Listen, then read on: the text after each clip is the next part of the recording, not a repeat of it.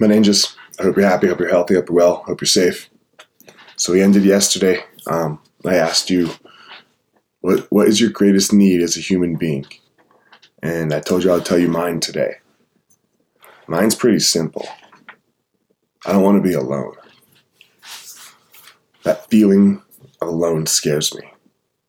Now, I've learned how to deal with it, don't get me wrong, but that's what my need is. I need people. I need I, I need look, it's why I do almost everything I do. I like to build armies. I like to build armies of people, armies of friends. It's it's who I am.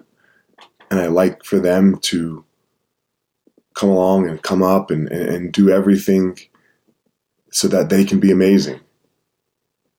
But the second that I can admit that it's a need of mine, and I know that, it, it kind of takes away the the uh, the part of it that I talked about on Monday, where it was like, ah, I'm not even doing it for me because I wouldn't eat like when I say I try to make people happy, but no, I want to make you happy for sure. Uh, no, hold on, I want you to be happy.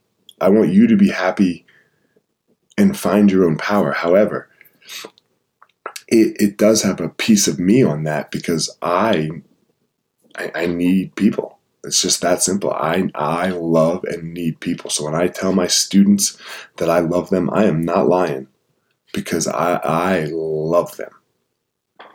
It's not like I love my wife and my kids, but it, but it's it's a love because they spend their time with me and they, and they really pour in and give in to to to the hour or the two hours that, that we're hanging out.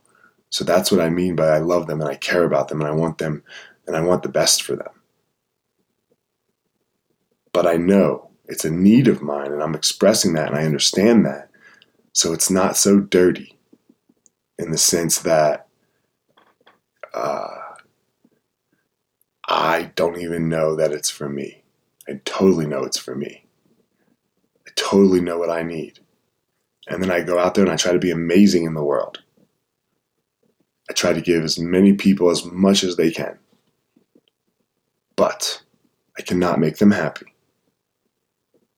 I can lead people to try to find their power. And don't get it confused. It's what helps me find my power.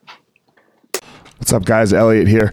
Um, before we get started, I have started a Patreon account. Patreon is a place where you can go to help support the podcast. Uh, I would greatly appreciate it if you are finding it useful. I have one tier right now um, for the first 50 people.